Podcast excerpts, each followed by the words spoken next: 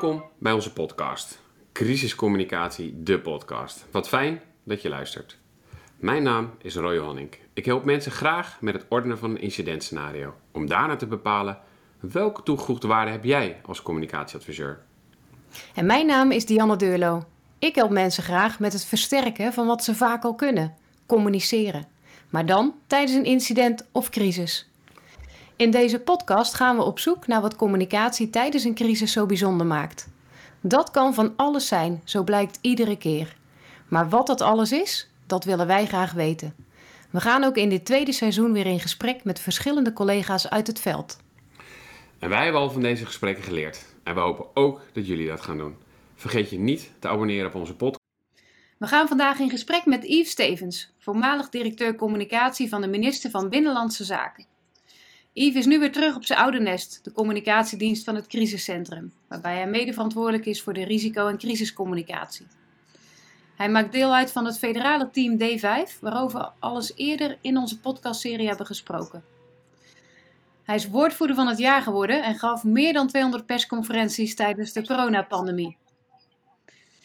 Je werk is waarover we graag in gesprek gaan met jou, Yves. En ja, de eerste vraag is dan toch gelijk: um, een aantal maanden directeur geweest. Um, nu weer terug op je oude nest. Mist hij het woordvoerderschap zoveel?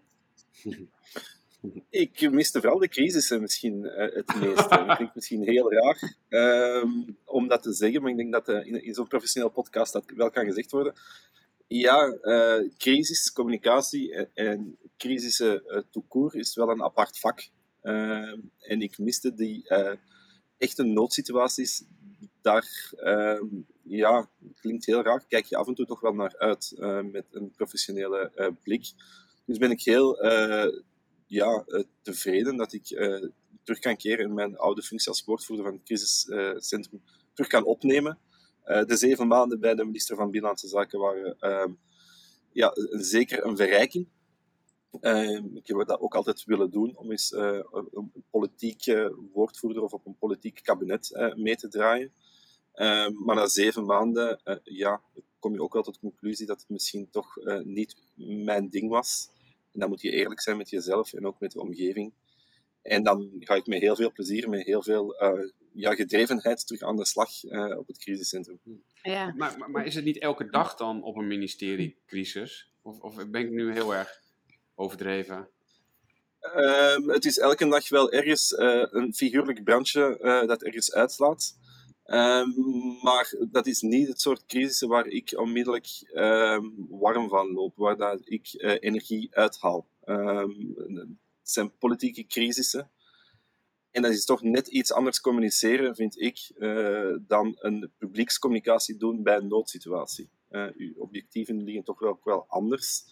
Uh, dus voor mij, ja, uh, mijn energie haal ik toch wel het meeste uit het communiceren naar de bevolking toe tijdens een noodsituatie. En neem pandemie, crisis of neem ook de terreuraanslagen, waar dat je de burgers gaat uh, informeren, alarmeren.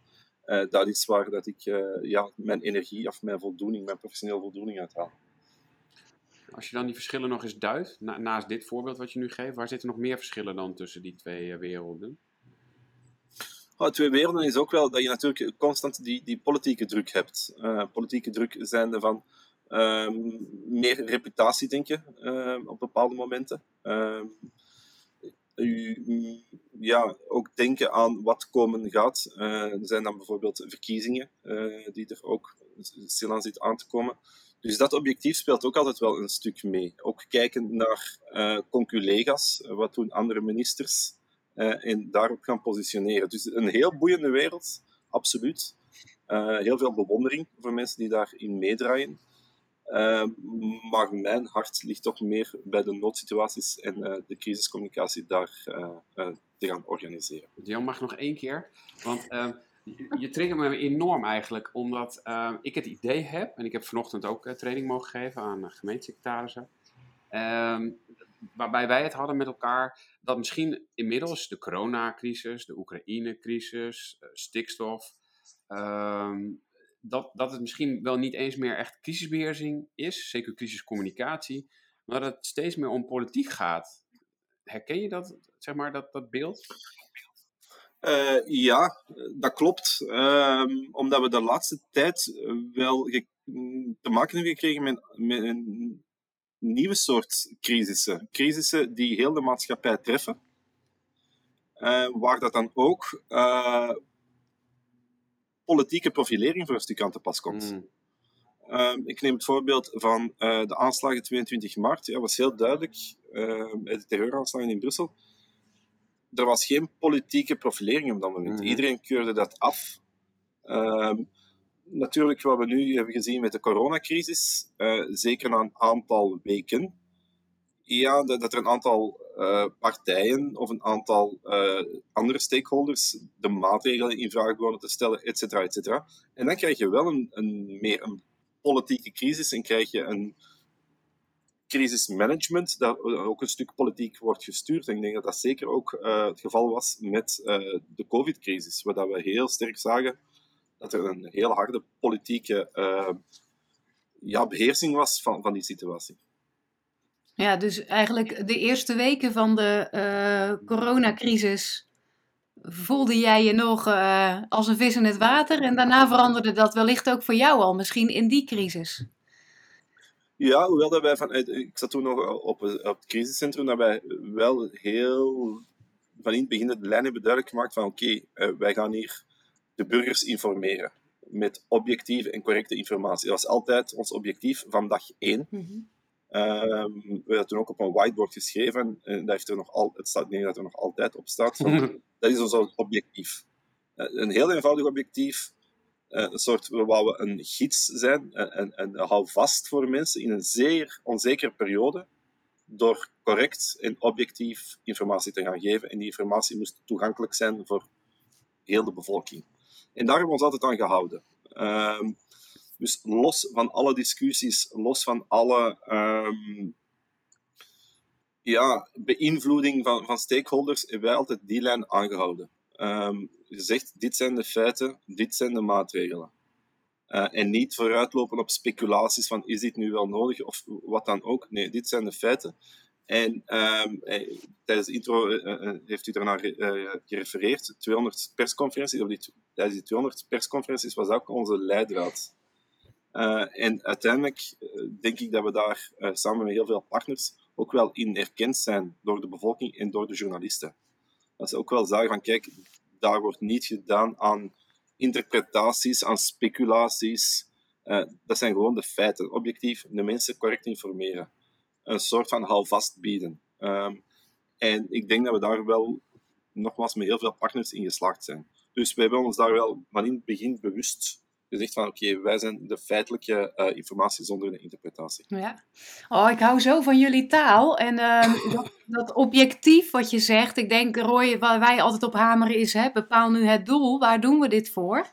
Uh, en ik vind het ook heel mooi dat, dat je zegt, dat staat op dat whiteboard en dat, ja, dat, dat was jullie doel um, naar de inwoners. Dus de inwoners ook uh, hou vast bieden. Maar het was ook voor jullie communicatieteam, jullie hou vast. Zo van, dit is wat we willen bereiken, hier doen we het voor. Ja, absoluut. Uh, van in het begin. Uh, en af en toe word je uiteraard door al die weken uh, in die COVID-crisis uh, wat meegesleurd naar links of naar rechts. En als je dan effectief dat objectief heel duidelijk voor ogen hebt van zijn we hier nog wel juist mee bezig? En elk woord van dat objectief was belangrijk om er iets te zeggen van is onze informatie voor iedereen gemakkelijk toegankelijk? Um, en af en toe moest je dan zeggen van nee, ik bedoel, we bereiken niet iedereen. Oké, dan moeten we op gaan inzetten. Het is niet enkel dat dat een objectief is, we moeten dat objectief ook gaan omzetten in acties. En het voordeel was dat het een zeer langdurige crisis is, dat je ook wel tijd hebt om acties te gaan opzetten. Uh, bijvoorbeeld om ja, anderstaligen te gaan bereiken of uh, inzetten van dove tolken. Dat zijn allemaal uh, stappen die je neemt omdat je een heel duidelijk objectief voor ogen hebt. Wat we ook altijd heel duidelijk voor ogen hadden, is van wie is hier het grootste slachtoffer in deze crisis? Uh, Super belangrijk om dat altijd goed voor ogen te houden. En ook bijvoorbeeld als, uh, als woordvoerder. Het, het, was heel duidelijk en in het begin had iedereen hetzelfde um, slachtoffer voor ogen. Zijnde, ja, wie is het grootste slachtoffer in deze crisis? Dat zijn mensen die vechten voor hun leven in het ziekenhuis. Dat zijn mensen die ehm, geliefden hebben verloren door COVID. Maar zijn ook mensen die werken in de zorg, dat zijn de grootste slachtoffers. En ik denk wat we hebben gemerkt, dat de eerste weken iedereen wel min of meer dat beeld voor ogen had. Er was een enorme grote solidariteit. Bijvoorbeeld hier in België, elke dag om zeven uur ging iedereen naar buiten applaudisseren voor de zorgsector. Wat je wel zag, is dat, je, dat het stilaan verbrokkelde. Hmm. We werden het allemaal beu, het duurde allemaal te lang. En plots voelden we ons zelf allemaal een slachtoffer. Wat ook wel een stuk terecht was. Ehm, en begrijpelijk. Hè? Ik bedoel, eh, je mocht niet meer gaan sporten, of je mocht niet meer naar school, of je kon niet meer op café, et cetera, et cetera. Maar ik denk dat het heel belangrijk was om elke keer in elke communicatie daar één empathisch voor te zijn. Ja, we begrijpen dat. Dat, dat. dat je graag op café gaat, of dat je graag naar de dansing gaat. Maar dat is niet waar dat we het... Dat, het we doen dat voor een beter, hoger doel. We zijn er die slachtoffers. Mhm. En door elke keer die maatregelen te koppelen aan waarvoor doen we het. Ja, ik begrijp dat je liever naar school gaat, maar we moeten er nu voor zorgen dat de ziekenhuizen niet overvol geraken. En ik denk dat dat zijn twee belangrijke dingen. Zowel één, dat objectief duidelijk voor ogen houden, en ook die slachtoffers. Heel duidelijk, uh, zeker als woordvoerder, heb ik, uh, heb ik in al mijn antwoorden dat steeds gekoppeld aan daarvoor doen we het. Ja. Uh, ik begrijp dat je graag weggaat, maar er liggen mensen nu te vechten voor hun leven. Dat, dat is nu belangrijk. Daar moeten we ons samen voor inzetten.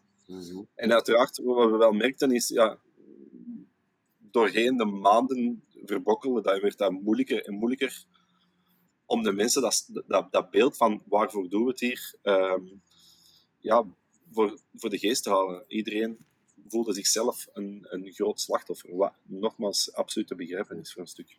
Je, je, je triggert me ook weer dat ik denk, hoe, je bent woordvoerder van het jaar geworden.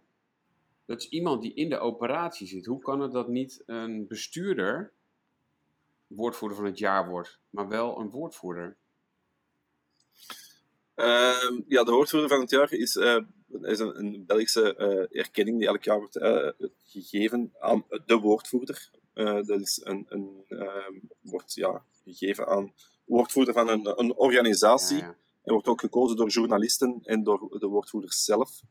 Dus die is echt wel een, een erkenning voor uh, woordvoerders en niet voor bestuursleden. Nou ja, dan, dan dank voor de duiding. Wat ik eigenlijk ook bedoelde, um, als ik goed naar je heb geluisterd, naar de eerste paar minuten, zeg je, um, ik vind het zelf fijn om bij een organisatie te werken waar reputatie niet op één staat, maar waar we het doen voor de samenleving en de maatschappij. En dat hoor ik en dat voel ik in alles. En ja, jammer dat mensen niet kunnen zien, maar je ziet het ook aan je, zeg maar. Um, waarbij hoe langer een crisis duurt, hoe meer, en dat is mijn eigen worsteling, dus die leg ik graag bij je nu voor. Hoe langer een crisis nu duurt, hoe moeilijker de crisiscommunicatie misschien wel wordt, omdat je ook er reputatie bij gaat krijgen, reputatie van bestuurders. En eigenlijk hoor ik jou zeggen, ik heb daar geen last van gehad. En misschien is dat wel het feit dat ik dan woordvoerder van het jaar ben geworden. Of is dit te makkelijk?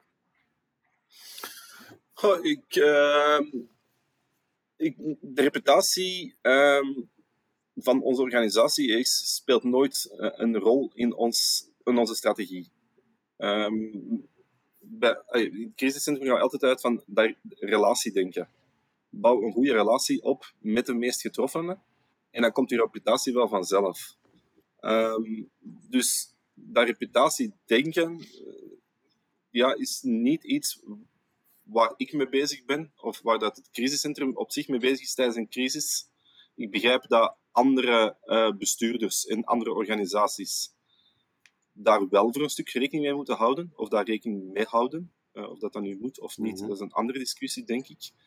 Maar vanuit het crisiscentrum en ook vanuit mijn rol als woordvoerder van het crisiscentrum uh, zetten we altijd heel duidelijk die relatie naar voren en relatie met uh, ja, de slachtoffers en de meest getroffenen. en nogmaals, dat is niet evident uiteraard. Nee, maar, maar het interessante is, is dat het bij een crisis blijkbaar zo goed werkt en dat de relatie voorop staat en niet de reputatie. Dan denk ik, als het bij een crisis zo goed werkt, waarom doen we dat dan gewoon dagelijks niet? Waarom zetten we de relatie met onze inwoners, met onze bestuur, met onze samenleving in België, in Nederland ook niet op één? Want, zeg jij, na een goede relatie volgt je reputatie. Maar blijkbaar, weet je wel, dat is voor jou denk ik ook een keuze om na zeven maanden te denken, hm, nou, het is wel heel erg reputatie. Of is het, dat triggert mij. Dat is, natuurlijk, dat is natuurlijk een beetje kort door de bocht. Ja. Ik bedoel, het is niet enkel eh, eh, eh, dat we ineens alles op reputatie zetten. Ehm, maar voor een crisis en een publieke crisiscommunicatie is dat eenvoudiger. Ik bedoel, wij hebben eh, op zich veel minder ehm, reputatie te verdedigen. Ons, ons objectief is om die mensen te gaan informeren. Dat is belangrijk. Ehm, wij moeten ook niet verkozen worden of wat dan ook. Ehm, dus wij vertrekken inderdaad van die, tijdens een crisis moeten de mensen die getroffen zijn geïnformeerd worden. Punt. Dat is het belangrijkste. Ja, ik, oh ja het is, als je het zegt, denk je, ja, de. Hm? Eh, te- te- je zegt eigenlijk van, wij zijn niet een organisatie die ons eigen voortbestaan moet eh, waarborgen. Nou, ik zie ook nee schudden. Oftewel, en dat is bij een ministerie wel soms. Dat is, je, je moet de dienst waarborgen, of bij een gemeente, of bij een, bij, bij een, bij een private organisatie. En, en Ja, natuurlijk, ik bedoel, eh, natuurlijk, eh, in de organisatie als het crisiscentrum moet zich, ehm, heeft alle belang bij, bij een, een goede reputatie, Mhm. uiteraard. Ik bedoel, vandaag wordt er ook aan, eh, dagelijks aan externe communicatie gedaan om ook een plaatsje te veroveren in het overheidsapparaat, uiteraard. Maar ik denk op het moment dat er echt een crisis is, ja, ga je echt wel vanuit dat relatie denken. En als je dan, ik denk dat er in het verleden eh, zeer veel eh, goede, slechte voorbeelden zijn vanuit de, in de corporate die dan in crisis gaan en die dan hun reputatie voorop zetten, waar dat het dan falikant eh, misloopt. Wij hebben, voor alle duidelijkheid, wij hebben geen aandeelhouders, wat dan ook, die luxe hebben wij. Onze aandeelhouders, ja, dat, dat, is de bevolking. Dus als je die dan voorop kan zetten tijdens een crisis, ja, dat is dan veel eenvoudiger natuurlijk dan, dan een, een corporate dan een bedrijf, waarin dat je wel met eh, aandeelhouders of met een, eh, een management board zit.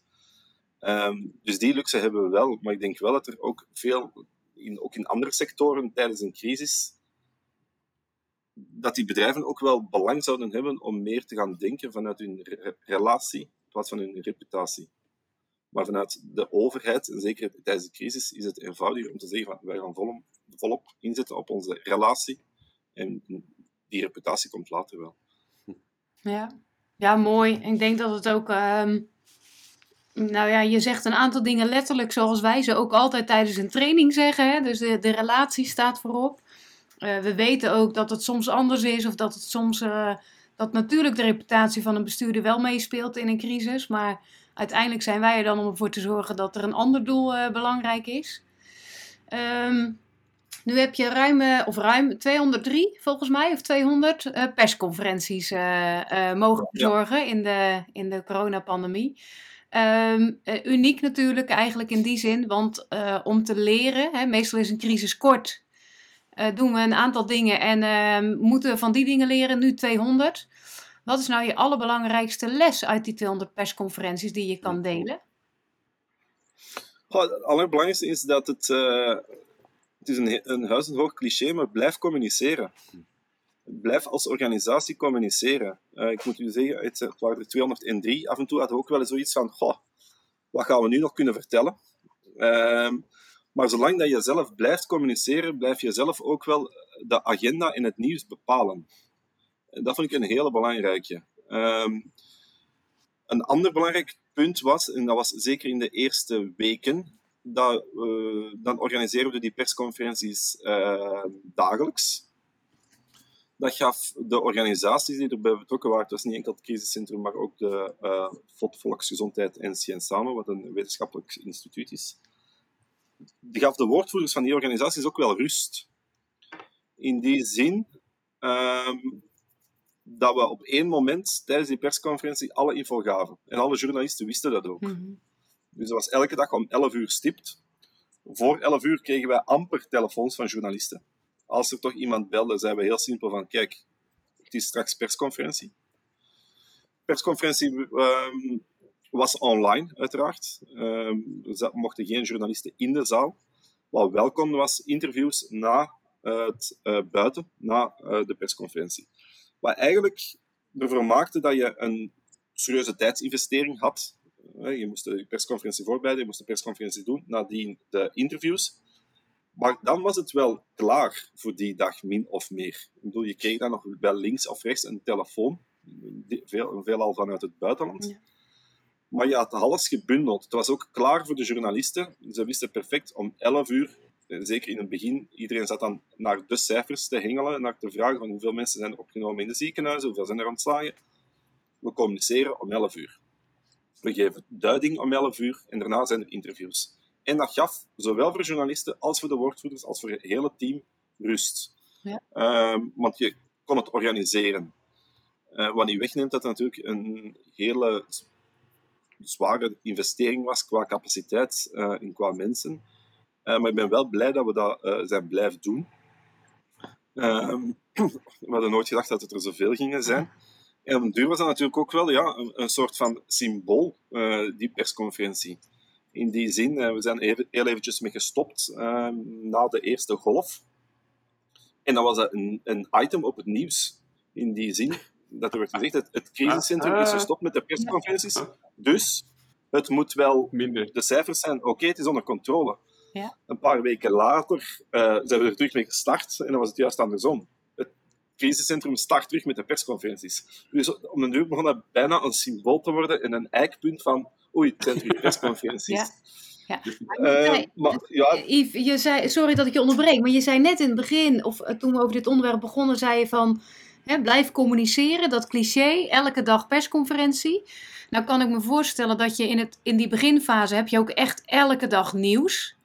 Dat zal later toch wat minder worden. Je zei ook al van soms was het echt even wel kijken wat gaan we nu vertellen. Terwijl, uh, dat hebben we ook in de vorige podcast geleerd over persconferenties. Een heel belangrijk uh, uh, punt van wanneer organiseer ik nu een persconferentie wel of niet, is als je nieuws te melden hebt. En anders hoef je het eigenlijk niet te doen. Um, Hebben jullie dat ook dan afgewogen? Want, of was het, is het dan toch meer die symboolfunctie geworden, inderdaad? Nee, het was um, zeker in het begin um, was er elke dag een persconferentie, was er ook elke dag nieuws. Um, we hadden die dan de, lockdown, waar iedereen ook wel vragen bij had van hoe gaat dat nu juist in zijn werk gaan, wat mag, wat mag niet dus dat aspect hadden we. We hadden ook het aspect van uh, ja, de cijfers. Wat is de evolutie van, van de pandemie? Hoeveel mensen zijn er besmet geraakt? In het begin zat iedereen heel uh, nauwgezet die cijfers op te volgen. Dus dan hadden we wel ja, dagelijks nieuws.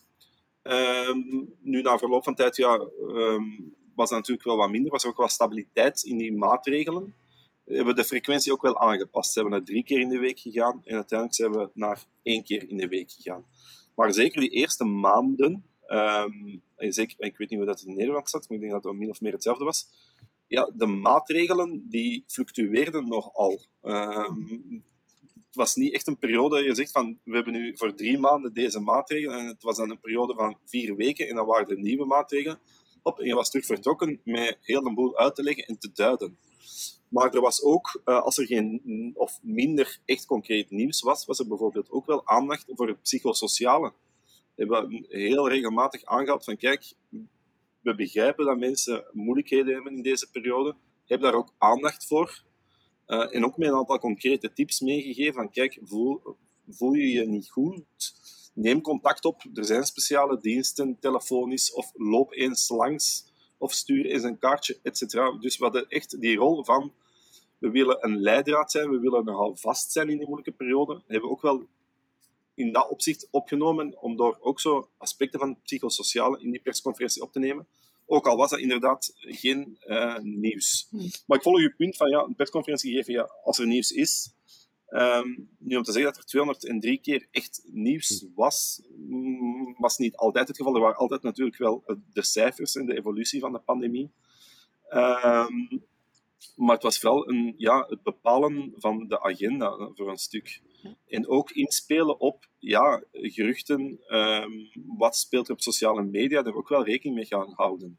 Op momenten dat er, um, ik weet bijvoorbeeld dat er op een bepaald moment het verhaal de, de, de, de ronde deed dat het uh, virus uh, ontsnapt was uit een, een laboratorium, et cetera, et cetera dat verhaal begon echt wel wat te spelen. En dan hebben de experten tijdens de persconferentie ook wel uitgelegd waarom dat, dat niet kan zijn. Of waarom dat er toch wel argumenten zijn om dat verhaal te weerleggen.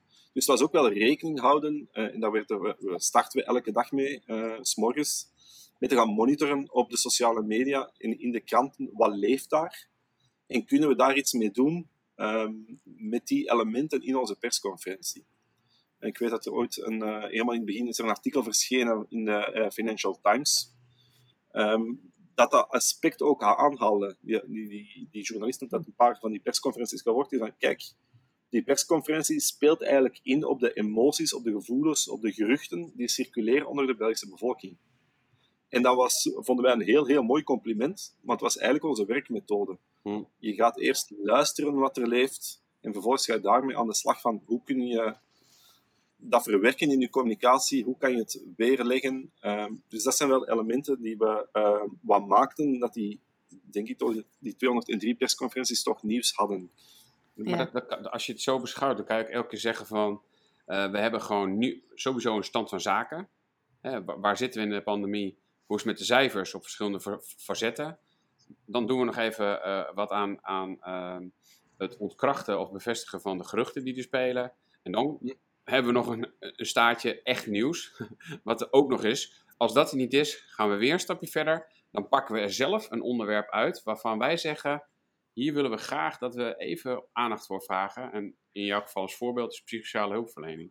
Of uh, sorry, ja, dat klopt. Dat, ja, dat klopt. En, en soms werden we ook gecontacteerd door andere organisaties. Oh. Die, die vroegen van... Um, ja, zoals bijvoorbeeld het Rode Kruis, die op een bepaald moment te weinig uh, bloeddonaties ja. uh, kregen. Oh, ja. En die zeiden dan, van, kunnen jullie dat eventjes, omdat dat, die persconferentie zo'n sterk kanaal was geworden, kunnen jullie dat eventjes onder de aandacht brengen? Mooi. En dan vermelden we dat gewoon van, kijk, bloeddonaties kunnen doorgaan zijn, levensnoodzakelijk op. En dat is ook wel een aantal keer gebeurd, dat andere organisaties ons contacteren om te zeggen van, kijk, kan je dit mee vermelden in de, in de persconferenties? Mooi. Dat is voor ja. Jan en mij het vierde doel. De samenredzaamheid of de redzaamheid versterken van mensen. En dat kan dus ook voor verschillende organisaties inderdaad. Uh, dus dat kan ook uh, voor het Rode Kruis. Ja, leuk. Ja. Had ik niet aan gedacht. Ja. Waar, waar, ik, ik weet, en volgens mij, kijk, ik ben woordvoerder van het jaar. Volgens mij hebben mensen jou maar kunnen betrappen op één foutje, las ik ergens. Dat je gewoon in 203 persconferenties één fout maakt, dat is toch bijna bovenmenselijk?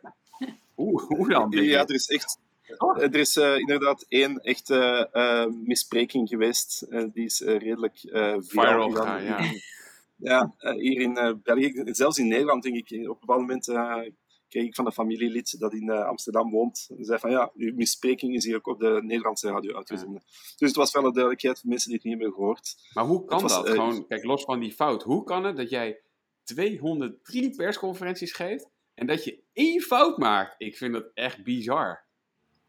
Ja, komt het. Ze waren ook, uh, ja, we, we, dat werd altijd ook wel goed voorbereid. Um, nu, wat ook wel heel vreemd was, um, is dat dat persconferenties waren uh, voor een lege zaal. Ja.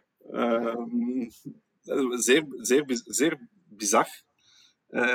ja, vanwege de COVID, uiteraard moesten we het goede voorbeeld geven. Dus uh, er werden geen journalisten toegelaten in de zaal. Uh, werd allemaal uh, via livestream kon dat gevolgd worden. Uh, wat maakte dat we elke keer op een podium zaten in een redelijk grote zaal, die een capaciteit heeft van uh, 100 uh, zeteltjes. En er zat dan één medewerker in het midden van de zaal. En voor de rest had je nog het doventolken. Dus dat was een zeer vreemd gegeven, want onlangs hebben we een persconferentie gegeven ook mee. en daar zat dan ineens wel volk. Dus het was heel even een, een bepaalde setting.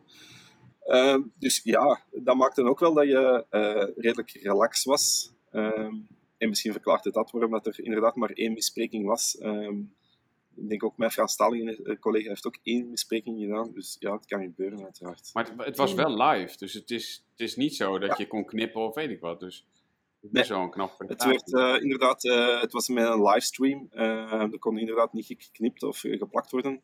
wat er wel, de vragen van journalisten, dat is misschien ook wel leuk om mee te geven, als type, ja, die konden dat op voorhand via een Google of via een, een, een online platform hun vragen stellen. Hmm. En dan werden die voorgelezen um, door een medewerker. Dus het was echt een online persconferentie waar er ook een vraag en antwoord was.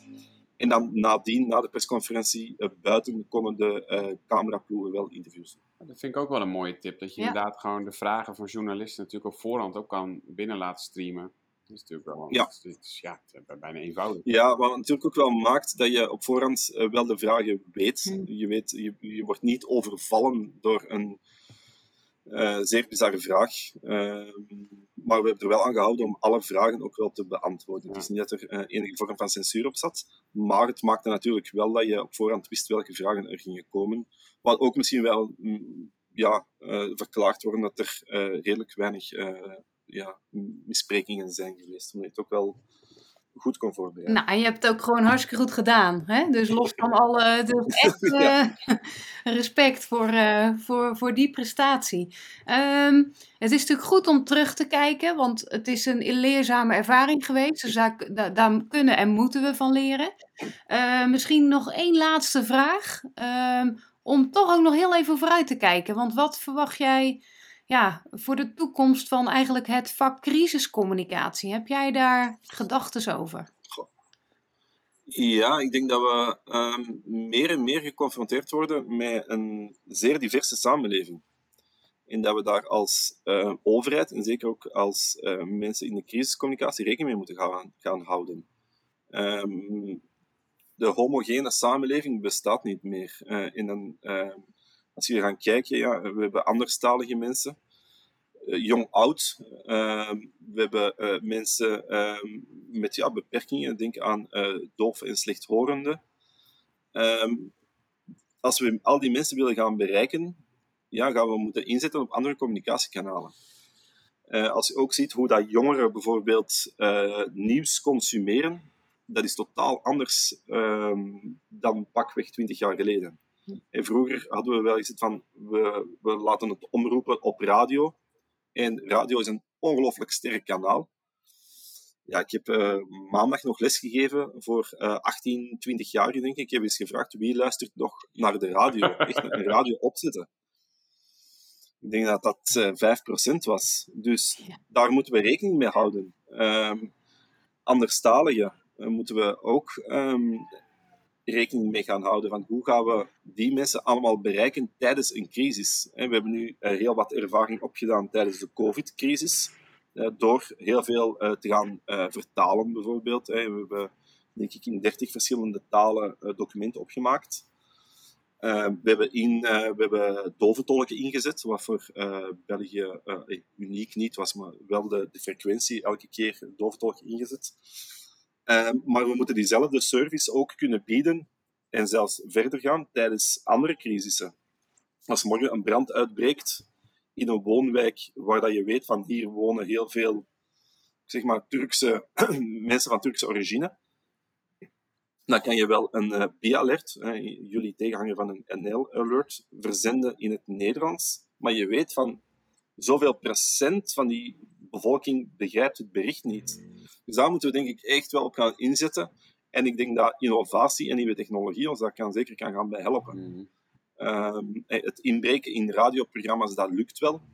Maar waarom zouden we niet ja, eh, kunnen inbreken op, eh, op streamingplatformen bijvoorbeeld? Dat zijn allemaal dingen waar dat we moeten naar gaan kijken. En anders verliezen we gewoon een deel van onze eh, doelgroep. Ja. Ehm, en, en het mooiste voorbeeld, ik heb hier eh, twee eh, tieners rondlopen.